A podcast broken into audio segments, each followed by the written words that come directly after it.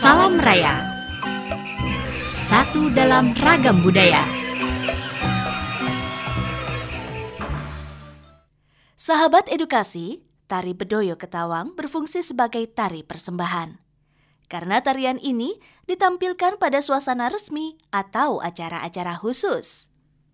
Sahabat edukasi, karena sejarah menceritakan tarian ini berkaitan dengan kisah asmara Kanjeng Ratu Kidul dan Sang Raja, maka tarian ini bersifat sakral. Salah satu hal yang membuatnya sakral ialah syarat yang harus dimiliki penarinya. Apa saja syarat tersebut? Untuk budaya Ketawang muncul eh, pada zaman Mataram. Cerita di balik itu ya, di balik itu itu semacam ada halusinasi atau seorang raja yang yang ingin membuat sebuah tarian dan dan tarian itu uh, ditanggapi oleh Ratu Kidul. Jadi sehingga di, dibantu oleh Ratu Kidul untuk membuat tarian itu. Itu menjadi uh, tarian sakral. Ditarikan hanya setahun sekali untuk memperingati jumenengan atau naik tahtanya raja. Itu hanya setahun sekali. Dan cara pementasan itu juga mulai dari jauh sebelum pementasan sudah ada ritual. Ritual ya. Penarinya tiga hari sudah masuk ke dipingit istilahnya nggak boleh ke mana-mana di karantina kemudian di di pakai wangian, pakai aparatus dan sebagainya. Penarinya berjumlah sembilan orang. Sembilan orang itu uh, mempunyai jabatan masing-masing. Mulai dari satu namanya Batak. Batak itu artinya bagian kepala dari manusia. Kemudian gulu, gulu itu ya leher sama itu satu-satu ya. Kemudian dodo, dodo itu dada, dada manusia.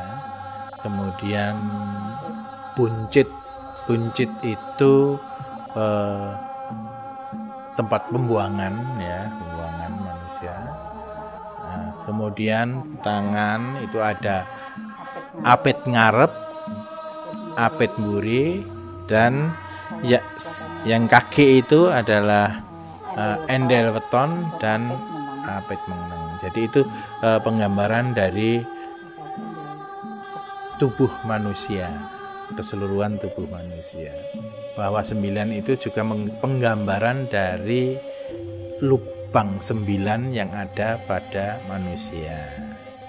Sahabat edukasi, Tari Bedoyo Ketawang merupakan tarian yang sakral. Bahkan untuk menjadi penari dan penonton, kita harus mengikuti adat kepercayaan tradisional.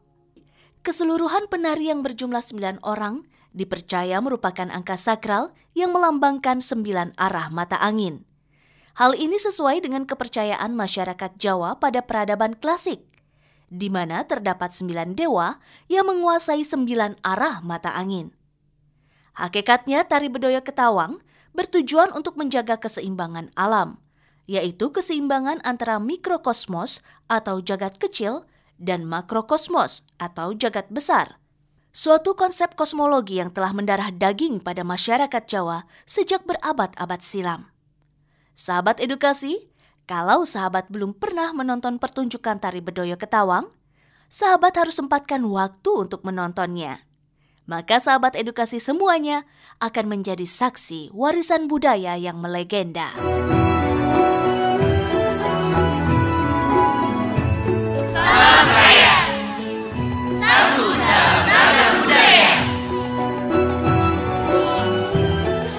Raya Satu dalam ragam budaya